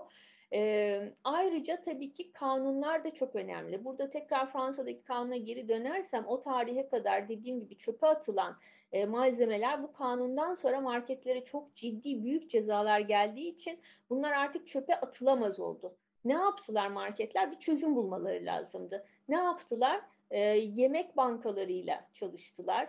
E, bir takım derneklerle çalıştılar ve geçen gün bu işin arkasında Araç Deranbaş diye bir arkadaş var. E, bu e, şeyi e, bu kanunu geçiren altyapısını e, hazırlayan bir belediye meclis üyesi ve 2016'dan işte 2022'ye bu sene 6. yılı kutlandı ve 6 yıl içinde ne kadar çok yol kat edildiğini güzel bir prezentasyon yaparak halka duyurdu. O yüzden hükümet, devlet, e, cezalar bunlar çok önemli. Yani bazı şeyleri hani ne kadar anlatırsak anlatalım. Eğer bazı yaptırımlar yoksa maalesef insan e, karakteri bu. Onlar e, belki de hayata e, şey yapamıyor, hayata geçemiyor, gerçeğe, gerçeğe dönüşemeye biliyor. O yüzden e, kanunların e, önemli olduğunu ve kanunların uygulanmasının da önemli olduğunu düşünüyorum. Ama sadece kanunlar değil, özellikle son yıllarda birçok aplikasyonla, teknolojiden de yararlanılarak e, enteresan e, gelişmeler var. E, Türkiye'de de olduğunu biliyorum çünkü iki hafta kadar önce Boğaziçi e, Üniversitesi'nde bir toplantıdaydım. E, orada e, moderatörlüğü yapan iki arkadaş e, bu tarz e, şirketlerde çalışıyorlardı. Sosyal e, etkinlikleri vardı. E, mesela Too Good To Go diye bir e, aplikasyon var. Şimdi hemen hemen bütün dünyaya yayıldı. Too Good To Go'da espri nedir? Siz e, bir aplikasyon indiriyorsunuz cep telefonunuza. E, ve işte diyelim ki e, Paris'tesiniz, Paris'in 15. bölgesindesiniz. Evinize giderken akşam işten çıktığınızda aplikasyona bakıyorsunuz. O çevrede bulunan ve o akşama kadar işte yemeklerini satamamış, arta kalmış bazı şeyleri olan işte bu normal bir e, salata da olabilir, bir sandviç de olabilir, ekmek de olabilir. O e, şirketler bu kalan e, yemeklerini o akşam yüzde otuz, yüzde elli fiyat indirimiyle bu aplikasyona koyuyorlar. Siz de o akşam evinize giderken işte bir şey ihtiyacınız varsa gidip alıyorsunuz. Yani kazan kazan hem tüketiciye hem de e, üreticiye e, yararı olan e, böyle birçok aplikasyon e, bence her gün e, gelişerek de e, enteresan olmaya başlıyor. Bu şeyler de insanlarda bilinci e, arttırmaya başlıyor. Öyle düşünüyorum. Bu aplikasyonların güzel örnek olduğunu düşünüyorum. Ben bir de şeyi sorayım aslında kitaba dönmemiz lazım. Çok da e, sınırsız bir zamanımız yok ama hep dinlemeyi seviyorum bu hikayeyi sizden. Katılımcılar da dinlesin isterim. Fransa'daki markette bir markete girdiğinizde yaşadığınız olayı belki anlatırsınız bize. Ben tiyo vermeyeyim siz anlatın. Ee, onu da yaptığınız prezentasyonları hep gösteriyorum. Görsel olarak da koyuyorum. Çünkü işte her zaman gittiğim, daha doğrusu her zaman gittiğim değil, yeni taşındığım mahallede bir markete gidiyorum. Markette böyle kocaman bir çöp sepeti koymuşlar. Sebze meyve reyonunun orada. Ve çöp sepetinin içinde insan ve orada da prasa satılıyor. Prasaları alan Fransızlar pırasaların beyaz kısımlarıyla yeşil kısımlarını koparıyorlar. Yeşil kısımları o kocaman çöp sepetinin içine atıyorlar. Sadece beyazını tartıp gidiyorlar. Bir süre baktım yani hemen hemen her alan aynı şeyi yapıyordu ve o çöp sepeti gittikçe bu yeşil ama pırıl pırıl çok da taze e, yeşil pırasa e, bölümleriyle doluyor. Reyon'un bir e, işte arkadaş vardı Reyon'un başında. Dedim ki e, bu yeşilleri niçin böyle atıyorlar? Ben hani Fransa'ya yeni gelmişim bilmiyorum Fransızların böyle bir şey yaptı. Ha yeşiller yenmez ki sadece beyazı yenir falan dedim. Nasıl yenmez dedim ya biz bu yeşillerden çok güzel köfte yaparız sefarat mutfağında hem de pırasa köftesi. Ne filan dedi ne söylüyorsun böyle boş boş baktı bana. ben dedim ki sen ben dedim bu yeşilleri senden satın alabilir miyim dedim ya da bana verir misin? Satın alır mıyım dedim. Yani şey yapmak istemedim. Adam dedi ki ben bir şey istemiyorum al sen bu torbayı olduğu gibi götür dedi. Tamam dedim ben bunu e, şey yapacağım köfte yapacağım dedim. Sana da getireceğim yarına tatlım için dedim. Ve ben güzelim pırasa köftelerimizi yaptım. Bizim pırasa köfteleri gerçekten çok lezzetlidir. Böyle altın gibi kızarır, güzeldir görüntüsü. Ve ertesi gün Yine aynı reyona götürdüm pase köftelerimle birlikte. Herkese çatal da getirmiştim. Reyondaki arkadaş bütün e, marketteki diğer arkadaşlarını çağırdı. Dedi ki ya bakıyor musunuz dedi ya biz bunları çöpe atıyoruz. Halbuki bu hanım dedi bunları böyle çok güzel bir şekilde bize getirdi sundu. Benim de bu anekdotum hep böyle komiğime gider. Gerçekten yani bunun gibi o kadar çok örnek var ki öyle Mesela e, geçenlerde karnabaharları da öyle gördüm. Karnabaharların dış böyle katı kısımlarını çöpe atarız genelde. Yani onun işte küçük e, çiçekli kısımlarını alırız. E, bebek yavru kısımlarını öbür kısımları atarız. Halbuki ondan kitapta da e, var. Çok güzel kimchi yapabiliyoruz. Kimchi biliyorsunuz bir Kore spesiyalitesi. Koreliler onu lahanadan yapıyorlar. Ama ben bunu karnabahardan denedim ve inanılmaz güzel sonuç aldım. O kadar çıtır çıtır ve lezzetli bir şey oluyor ki özellikle biraz da acı severseniz e, o e, karnabaharların köklerini, yapraklarını lütfen atmayın. Çorbada da aynı zamanda çok güzel kullanılıyor. Ben onu pırasanın yeşilleriyle e, karıştırıyorum ve inanılmaz güzel bir e, yeşil çorba yapıyorum. Aynı zamanda da kimchi olarak da çok rahat kullanılabilir. Bu da bizim pırasa köftesi anımız. Evet yani buradan işte aslında köklerinizden taşıdığınız bir bilgiyi bugüne nasıl yansıttığınızı dinliyoruz aslında. Umarım bu reçeteler artar. Birçoğu da kitapta var. Kitaba hemen dönelim. Çünkü asıl aslında bağlamımız kitaptı. Biraz anlattınız ama tabii ki Seferat Mutfağı gerçekten atıksız öğelerin çok yoğun bir şekilde olduğu barınan daha doğrusu yoğun bir şekilde barındırılan bir mutfak. E, kitapta 222 reçete dediniz sanıyorum. Sadece e, sefarat yemekleri yok. Yani Türk sefarat yemekleri yok. Ya da dünyadaki sefarat yemekleri de yok. Ben şey hatırlıyorum bir Meksika'da mısır koçanıyla e, yaptıkları bir yemek vardı. O sanırım sefarat yemeği değil diye tahmin ediyorum. E, kitapta var mı? Elde edemedim. E, inşallah siz gelince bana getireceksiniz. İnşallah. E, ben de tek tek uygulamaya başlayacağım. Biraz kitaptan bahsedelim. Tamam. Kitaptan bahsederken birazcık atıksız mutfağın e, altını e, birazcık açalım. Şimdi atıksız e, mutfak, sefarat mutfağı gerçekten atıksız temelleri olan bir mutfak. E, ama sadece sefarat mutfağı atıksız mutfak değil. Bizim e, Türk mutfağımızda da çok güzel atıksız yemeklerimiz var. Anadolu'da inanılmaz atıksız yemekler var. İtalya'da yaşadığım yıllarda cucina povera, fakir mutfağı dedikleri çok güzel bir başka arkadaşımız o mutfağı fakir mutfağı değil marifet mutfağıdır demişti. Çok hoşuma gitmişti. Çünkü gerçekten bir marifet gerektirir o, o malzemeden güzel, lezzetli ve herkesin seveceği yemekleri yapabilmek. Ee, Eşkenaz mutfağında da var. Ve dediğim gibi Meksika'ya gittiğimde Meksika'da da orada atıksız mutfak olduğunu görüyoruz. Yani e, sadece sefarat mutfağına has bir şey değil ama sefarat mutfağının bel kemiğidir diyebiliriz atıksız bir e, mutfak olması. Çünkü bence altında e, derin bir felsefe yatıyor. Neden felsefe? Şimdi tarih boyunca zor koşullarda yaşamışlar. Yoksulluk çekmişler. Geniş aileleri var. Onları doyurmak gerekiyor. Ve insanoğlu ne yapıyor? Çevresinde bulduğu bahçeden, ormandan, nehirden, denizden gelen doğal ürünleri kullanıyor. Kendi ekip biçtiğini, yerel ve mevsimsel olmak şartıyla kullanmaya çalışıyor. Kiler malzemelerini değerlendiriyor. Ve özellikle kolay, rahat ve ucuz malzemeden yemekler e, bu mutfağın omurgası oluyor. Sefarat kadını da yenilebilecek hiçbir malzemeyi israf etmemiş, yoktan var etmiş. Ee, örneklerin arasında işte demin verdiğim birkaç örneğin dışında azıcık eti bol sebzeyle karıştırmış. Et pahalı bir şey, sebze daha ucuz. En azından o dönemde öyleydi. Birleştirip yarattığı prasa köfteleri, kereviz köfte, köftesi, ıspanak köfteleri var. Sap ve yapraklardan hazırlanan fitadalar var. Kavun çekirdeğinden işte sübye var. Karpuz kabuğundan reçel yapıyor. Yani bütün bunları hepsini mutfağında değerlendiriyor. Onun için bu atıksız mutfağın çok ciddi, çok güzel bir felsefe olduğunu düşünüyorum ben. E, ve tabii ki sefarat mutfağı e, sonuçta benim mirasım.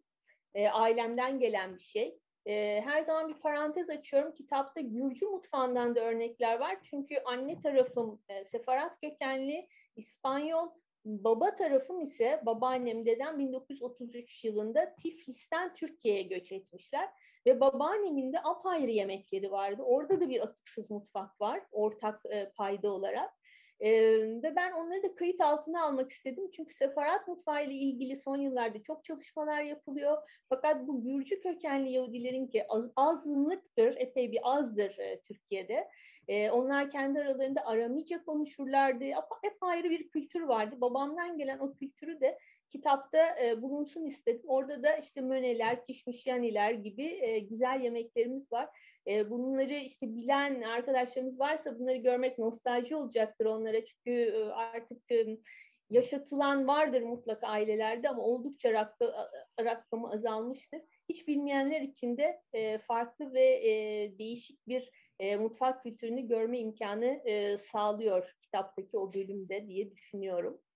Ee, onun haricinde bu burada kitaptan biraz daha bahsedelim. Nasıl devam edelim? Ee, şöyle yapalım. Ee, bir henüz soru gelmedi ama sorularınızı bekliyoruz diye bir e, bir duyuru yapayım. Ee, benim aklımda iki soru var. Onları da soralım. Ondan sonra kalan vaktimizde devam edelim diyorum.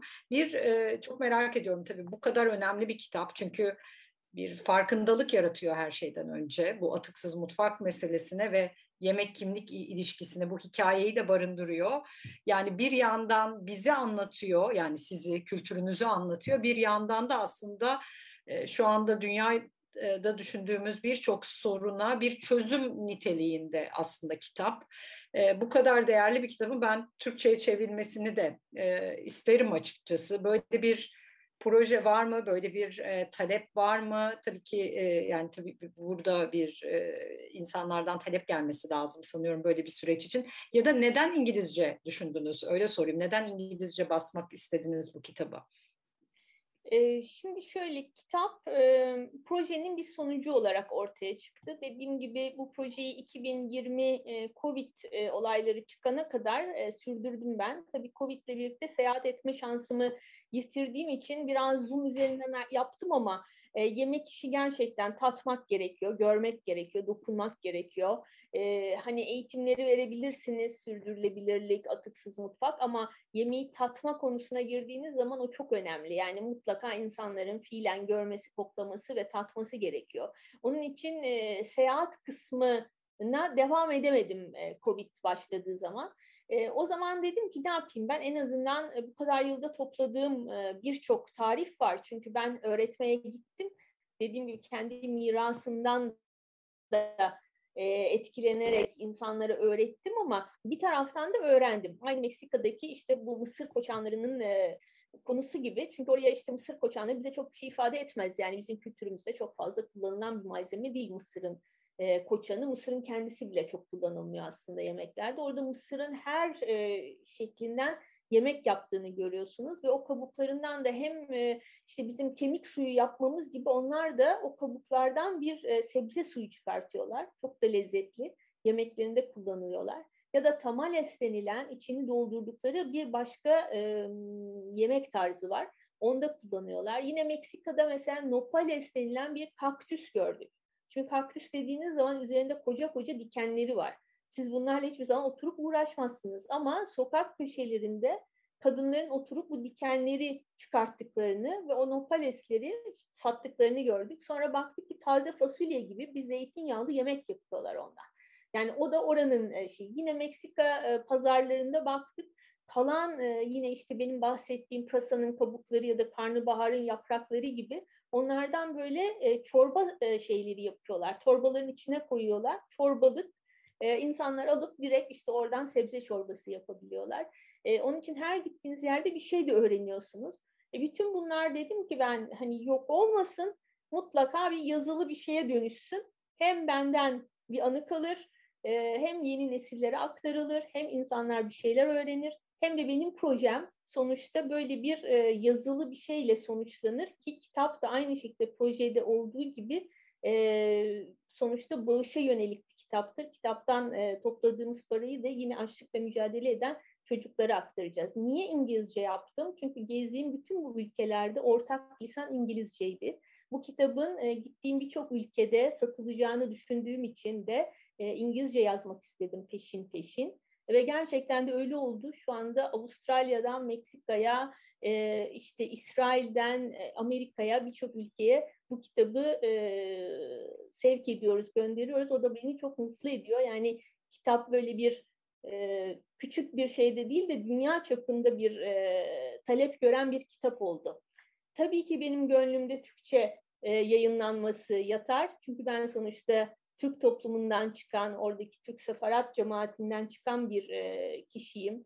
E, ve tabii ki bunun e, Türkçe olarak e, yayınlanması da e, çok beni mutlu edecektir. Ve var çok talep var. Türkiye'den yazan arkadaşlarım var. Bir kısmı arkadaşım olmayan, tanı, tanımadığım insanlar da yazıyorlar. Sibel Hanım Türkçesini istiyoruz, işte İngilizcemiz yeterli değil ya da Türkçe'de daha e, rahat edeceğimizi düşünüyoruz. E, bu da bir sonraki proje olacaktır inşallah. Yani zaten kitabın e, şu anda ikinci baskısı tükenmek üzere çok çok az sayıda kaldı gerçekten elimde. E, ondan sonra bir e, Türkçesi, belki Fransızcası, belki İspanyolcası bunlar hep e, projeler olarak olacaktır ama tabii bir yayın şirketinin ilgilenmesi lazım kitabımla. Tercümesinin yapılması lazım. E, bilmiyorum edebiyat evindeyiz belki de katılımcılar arasında ilgi duyanlar olabilir. E, buradan da bir çağrı yapalım. Tabii ki çok e, isterim e, kitabın Türkçe'de yayınlanmasını. Çünkü Türkiye'de de doğrusu böyle bir şeyin olmadığını düşünüyorum. Bu tarz bir kitabın da daha önce yayınlanmamış olduğunu düşünüyorum. İlginç de olacağını düşünüyorum. Artı bu kadar çok e, reçetenin olduğu yemek kitabı da çok çok e, olan bir şey değil. Yani 222 tane reçete dediğiniz zaman ciddi ciddi büyük bir rakamdan bahsediyoruz. Kitap zaten 300 sayfa A4 şeklinde neredeyse böyle ansiklopedi gibi oldukça da ağır bir kitap. Ee, inşallah diyelim. İnşallah olacak diyelim. Ben heyecanla bekliyorum. Yani İngilizcesini de elde etmeyi ama bunun Türkçe'ye mutlaka kazandırılması gerektiğini düşünüyorum. Aşçılık okullarında olması gerektiğini düşünüyorum. Çünkü bu iş eğitimin bir parçası. Bu insanlar oradan çıkıp e, belli restoranların başına geçiyorlar. Biz de slow food çatısı altında bir şeyler yapmaya çalışıyoruz bu konuda. E, ama bu bunun e, temelinde şunu görüyorum. Tabii ki e, belli e, kurallar getirilmesi gerekiyor restoranlara ama e, aşçılarda gördüğümüz şu var. Bu reçetelerin paylaşımı e, aşçıları birbirlerini çok etkiliyor. Çünkü en nihayetinde dediğim gibi restorana bir girdi olarak geliyor birçok şey. E, dolayısıyla bu reçeteler e, çok çok önemli. E, o yüzden umarım bir an önce de Türkçe'ye e, çevrilir. Ama o zamana kadar web sitenizde sanıyorum. E, evet, kaşkarikas.com e, kaşkarikas.com web sitem. Oradan e, sipariş e, formu doldurarak e, talep edilebiliyor. Dünyanın her tarafına gönderebiliyoruz, sorunumuz yok. Eğer kitabıyla ilgilenenler olursa tabii oradan form doldurabilirler. Yine web sitemden e, kontakt formu e, doldurarak e, her ay gönderdiğimiz işte ücretsiz e, newsletterlardan yararlanabilirler. Çünkü orada birçok bilgi paylaşıyorum, birçok reçete paylaşıyorum. Ay içinde yaptığımız tüm etkinlikleri ki çoğu ücretsiz bu etkinliklerin hepsini paylaşıyorum. O yüzden web sitemi ziyaret etmelerini arzu ederim ilgilenen arkadaşların. Yine. Ayrıca bildiğim bildiğim kadarıyla evet insta, tam onu diyecektim. Instagram'dan da e, canlı yayınlar yapıyorsunuz. Evet, yani. Instagram'da hem e, yine reçete paylaşıyoruz. E, bir takım işte evde kolay yapabileceğiniz e, bilgileri aktarmaya çalışıyoruz. Hem de e, iki şef, iki mutfak e, diye bir dizi bu o, hemen o da Covid'le başladı her ay bir misafir e, aşçı arkadaşım oluyor. Birlikte e, iki ayrı mutfaktan iki ayrı yemek e, yayını yapıyoruz. Bu ayda ayın 20'sinde olacak. E, Londra'dan bir arkadaşımızla birlikte yapacağız. Yine 27'sinde bir başka etkinliğimiz var. O da Michigan, Amerika'dan bağlanacak bir arkadaşımız. Yani etkinliklerimiz çok. Instagram hesabım Şef Sibel Pinto, web sitem kaşkarikaz.com. Herkesi bekliyorum. Bir uğrayın, selam verin, yorumlarınızı yazın. Çok mutlu olurum. Bu Peki arada... şefim başka bir proje yani e, Avleramos röportajında bir kafeden bahsetmiştiniz. Belki de var mı böyle bir talep oluştu mu yoksa nasıl bir hayal bu? Belki onu biraz anlatırsınız. Ee, tabii şöyle e, şimdi bu kitapla birlikte hani Kaşkarikas projesi sona erecek demiyorum. Çünkü tabii ki Hı-hı. devam edecek. Bu hani benim bir misyonum devam edecek ama en azından bu bölümünü yani bu sosyal sorumluluk kısmı, e, bağış kısmını bu şekilde kitabın satışıyla toparlamayı düşünüyorum. Ondan sonra e, o zaman röportajda da söylemiştim. Yaş ilerledikçe biraz hayatın ritmini yavaşlatmak gerekiyor. Çok koştuğunuz zaman birazcık yorulmaya başlıyorsunuz. Ama hedefsiz ve poşetsiz bir hayatta düşünemiyorum. Hep eşim benimle e, takılır bana. Ben derim ki Aa, tamam bu bitince bitecek. Başka bir şey yapmayacağım. Biraz daha rahata alacağım. Ama hep başka bir şeyler çıkar. Ee, sürdürülebilir mutfak benim için çok önemli. Bunun eğitimini dediğim gibi farklı e, kanallarda vermeye devam edeceğim. Ama e, tabii ki kafamda böyle bir Kaşkarikas kafe düşüncesi vardı. E, o e, hem mutfak sürdürülebilir olacak hem bir sosyal girişimle belki birleştirilecek hem de yerel üreticilerle işbirliği yapabileceğimiz böyle bir kafe açmak çok güzel olur. Hani kafeyi ben açacağım demiyorum ama bu işe gönül vermek isteyen arkadaşlarımız, girişimcilerimiz olursa bilgi aktarımı, danışmanlık, işbirliği yapmayı çok severim. Ee, çok mutlu ed- ederim, çok arzu ederim gerçekten. Ee, onun için bakalım günler neler gösterecek bize. Teşekkürler. Ee, benim sorularım bu kadar. Sizin ekleyeceklerinizi dinlemeden önce birkaç tane soru var. Ona bir cevaplayalım. Ben de merak etmiştim aslında bahsettiğiniz bu Too Good To Go aplikasyonu Türkiye'de var mı ya da yani bunun tam adı Too Good To Go ama Türkiye'de var mı orasını merak ettim. Benzer aplikasyonlar kullanıyorum ben hatta sipariş ettim yarın gelecek. E, reklam olur diye ismini söylemek istemiyorum ama hani soranlar olursa daha sonra yazarım. Ama bir Türkçesi var mı bu aplikasyonun onu merak ettim Too Good To Go'nun. E, doğrusu bilmiyorum. Anladım. Yani olduğunu düşünüyorum ama hani adı nedir diye sorarsam bilmiyorum. Ee, ama Too Good To Go Türkiye falan gibi bakılarak hani ulaşılabilir diye düşünüyorum. Çünkü çok dünya çapında e, gelişen bir aplikasyon oldu bu. Hemen hemen her tarafta var. Türkiye'de olabileceğini düşünüyorum açıkçası. E, bu arada yemek tarihçisi e, Ceren burada, Ceren Bozkurt. Onu ben sosyal medyadan da takipleşiyoruz. O da ben gönüllüyüm çevrilme aşamasında Sibel Şefim demiş. O mesajı da e, ileteyim size. Haklısınız Ceren Hanım. Süper. Lütfen benimle kontağa geçin. E, kontakta olalım. İnşallah böyle bir proje oluşursa çok büyük memnuniyetle. Bir diğer soruyu okuyorum. Deniz Büyük Bozkırlı'nın sorusu. Atıkları ticari olarak değerlendirme imkanları var mı? Örneğin marketlerde sebze suyu, et suyu gibi ürünler katkısız, taze olarak satılabilir mi? Böyle örnekler var mı? Yani aslında hani pratikte sanki e, yapılabilir gibi geliyor bana ama e, e, yasaklar var mı bilmiyorum Türkiye'de ee, ya da Fransa'da. Şöyle Fransa'da Intermarché diye bir e, market zinciri var. E, onlarda iki tane güzel şey gördüm. Bir tanesi birkaç yıl önce çok güzel bir e, promosyon yaptılar. Harika güzel e, billboardlarda reklamları vardı. E, bu ugly fruits and vegetables dediğimiz yani çirkin meyve ve sebzeler. Neden çirkin diyoruz? Biraz yamuk yumuk oldukları için, komik şekillerde oldukları için, işte e, kozmetik e, kurallara uymadıkları için, işte domatesin üstünde küçük bir siyah nokta yok varsa işte onu üretici çöpe atıyor, market istemiyor.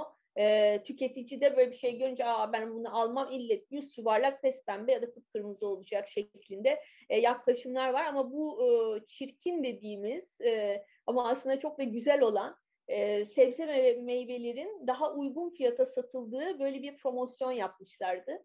E, ilk etapta e, çok fazla ilgi görmemiş çünkü insanlar biraz işte burun kıvırıyorlar çünkü alışkanlıklar böyle her şey e, ille tamamen e, tas tamam ve dost doğru olacak şeklinde düşünüldüğü için işte ne bileyim ben muzun üstünde siyah bir nokta varsa aman ben bu muzu almam. Fakat zaman içinde bu epey oturdu. Şimdi bu entermarşelerin belli bir bölümü var sebze meyve reyonlarında. Orada her zaman bu tarz işte birazcık belki fazla olgun olmuş ya da içinde biraz leke olmuş e, ya da rengi tam e, işte biraz soluk olmuş sebze meyveleri daha uygun fiyata satıyorlar. Aynı zamanda yine sebze meyve reyonlarında e, Deniz Hanım'ın söylediği gibi bu özellikle iyice olgun olmuş sebze meyvelerin sularının yapılması, onların işte konservelenerek satılması ya da çorba haline dönüştürülmesi ya da bir takım işte woklarda kullanılabilecek şekilde ya da çorbalarda kullanılabilecek şekilde satıldığını görmeye başladık. O da son zannediyorum Covid ile birlikte başladı dediğim gibi insanları o farkındalığı da oluşturduğunuz zaman artık baştaki düşündükleri gibi ha ben bundan korkarım ya da benim işte zararıma olur ya da ben bunları almam düşünceleri yavaş yavaş yok oluyor. İnsanlar alışmaya başlıyor. Bir de üzerine bir de ekonomik bir şey koyduğunuz zaman yani bunların rakamları yüzde elli gibi indiği zaman ki bu ara bütün dünyada çok konuşuyoruz sebze meyve fiyatlarının ne kadar pahalandığından bahsediyoruz. Annemle her konuştuğumda her hafta kasanın fiyatının arttığını anlatıyor. E, aynı miktarda olmasa bile burada da gerçekten e, mevsim sebze meyvelerinin bile ne kadar pahalı olduğunu görüyoruz. Onun için bu tarz e, girişimlerin de özellikle ilgi gördüğünü ve insanların e, alışmaya başladığını hatta talep ettiğini görmeye başladık. Evet özellikle yani aslında biz de ciddi bir ekonomik kriz yaşıyoruz e, şu zamanlarda. Ben de bu kullandığım aplikasyonda bilmiyorum arkadaşlar bana söylerse sevinirim ismini söylememde bir sakınca var mı? Reklam yapmak değil, değil amacım ama bayağıdır alışveriş yapıyorum. Geçenlerde gördüm havuç alacaktım. Şekli bozuk havuç normal havuçtan işte 1-2 lira daha ucuzdu kilosu. Dolayısıyla burada vardı hani bir markette e, satılmayacak ya da düzgün yani bir markete gittiğinizde hep böyle dediğiniz gibi parlak, daha düzgün, şekilleri neredeyse birbirine eşit e, sebzeler varken e, çünkü böyle seçiliyor. E, baktığınızda tarlada e, işte küçücük patatesler kalıyor, e, şekli e, bozuk havuçlar kalıyor. Hatta bu Slow Food e, Akdeniz bünyesinde bir çalışma yapmıştık. Orada bana aktarılan enteresan bir tarif vardı. Enginarlar, e, biz hep çanak enginar böyle ayıklanmış elimize dümdüz geliyor ama onlar kesilirken çanağın bir kısmı e, kırılabiliyor ve bunu satamıyorsunuz bir markette.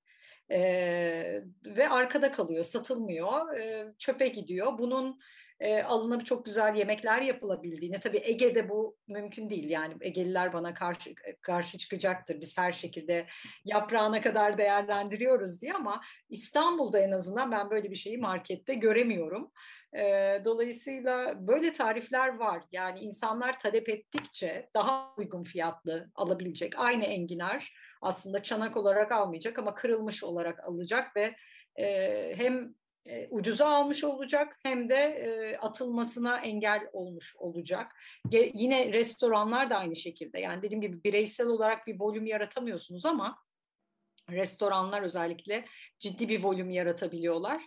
Bu tarifler var ve paylaşıldıkça bence e, yayılıyor. O yüzden yaptığınız yani kitapta yaptığınız şeyi çok çok değerli buluyorum. Yani sadece sizi sevdiğim için söylemiyorum bunu. Bunun dersini veriyorum ve verirken de e, her verdiğimde e, arkadaşlara hep e, öğrencilerime hep şey diyorum e, yani iki kere düşünün bir şey alırken e, diye. O yüzden çok önemli bir örnek, çok önemli bir kaynak olarak görüyorum yaptığınız çalışmayı. Büyük bir emek var arkasında. Ee, başka soru göremedim. Ee, Teşekkür ederim. Saatte, Çok sağ ol. Evet o yüzden son sözlerinizi alıp kapatalım istiyorum eğer soru tamam. gelmezse bu sırada. Tamam. Ee, epey uzun konuşmuşuz. Ben bu arada birden saati fark ettim de. Laf lafa açmış. Güzel olmuş sohbet. Seninle her zaman güzel zaten. Ee, hep şunu söylüyorum kitapta da altını çizdim israfı engellemek önce aslında kafamızda planlamayla başlıyor. Planlama çok önemli yani ben bu hafta ne yapacağım çocuğuma ne yedireceğim ee, işte mutfağa çocuğumla girip bir şeyler yapabilir miyim ona da sevdirebilir miyim ee, daha sonra işte alışveriş aşamasında başlıyor. Sonra saklamada, buzdolabı ve kiler kullanımlarında çok önemli. Yani bunlarla ilgili bir sürü bilgi var kitapta. Çünkü kitap sadece reçeteden oluşmuyor. Başta hem bilgi bölümü var. Neler yapılabilir, kolay e, ve herkesin uygulayabileceği e, yöntemler var. E, şeyin içinde de o 222 reçetenin içinde de inanılmaz çok hikaye var. Yani ben bütün hayatımı anlattım aslında bu kitapta. Çünkü gittiğim bütün ülkelerde karşılaştığım ilginç olayları da e, orada anlatmaya çalıştım. E, hem bu kolay öneriler var. Her aşamada nasıl e, kolaylaştırabiliriz? Çünkü bunların çok zor olmaması lazım. Zor olduğu zaman insanlara e, hem zor gelecektir hem bıkkınlık gelecektir ve yapmak istemeyeceklerdir. Daha önce de altını çizdiğim gibi işte kabuklar, çekirdekler, saplar, yapraklar, kemikler atık değildir, gıdadır onlar. Onun için çöpe attıklarımızın çoğu aslında çöp değil.